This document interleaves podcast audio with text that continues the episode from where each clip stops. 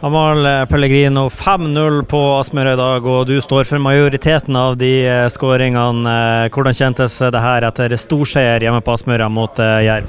Nei, det var veldig gøy å spille fotball i dag. Vi, jeg syns vi er ordentlig gode. Vi kunne vunnet med større sifre. og jeg tror ikke Jeg var inne i en ti minutters periode etter jeg ble bytta ut, men jeg, jeg, kan ikke huske en sjanse de hadde i det hele tatt. Så det betyr jo at vi var solide helt fra bakerste rekke. Vi gjør en del bytter. Sigurd Kvile kom jo tilbake fra en alvorlig skulderskade, så Ask uh, får også noen minutter i dag. Sjøvold får debuten. Det er liksom Det er uh, mange fine ting i dag, og det på en måte bare viser hva som bor i den gruppa her. Så under alle de gutta å få noen minutter etter eh, lange fravær fra banen. Og hvile tilbake fra skade, og så er det ekstra gøy med Fredrik Sjøvold sin eh, debut.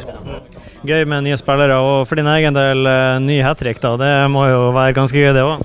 Jo, jo, jo, selvfølgelig. Hat trick er jo ikke noe man skårer hver gang, så jeg tar med meg den her. Så får gutta signere ballen, så får jeg putte den ordentlig fram på hylla og ha et minne for livet der også.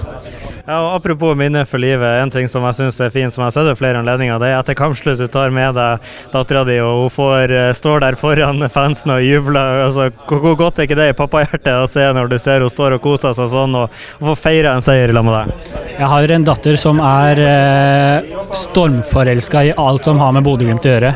Og Aspmyra, hun spør om det er kamp på Aspmyra hver eneste dag, og skal gå med den Bodø-Glimt-drakta hver dag. Så å ta henne med ut på banen og bare se hvor glad hun er, selvfølgelig, det, det gjør noe med hjertet. Og det bare ja, Det er jo et fantastisk sted å være, og fansen er jo fantastiske med henne. Så hun snakker jo om alle de som driver og gjør way, way hver gang, liksom. Så det er jo det hun ser frem til. Det og fyrverkeri, fyrverkeri før kampen.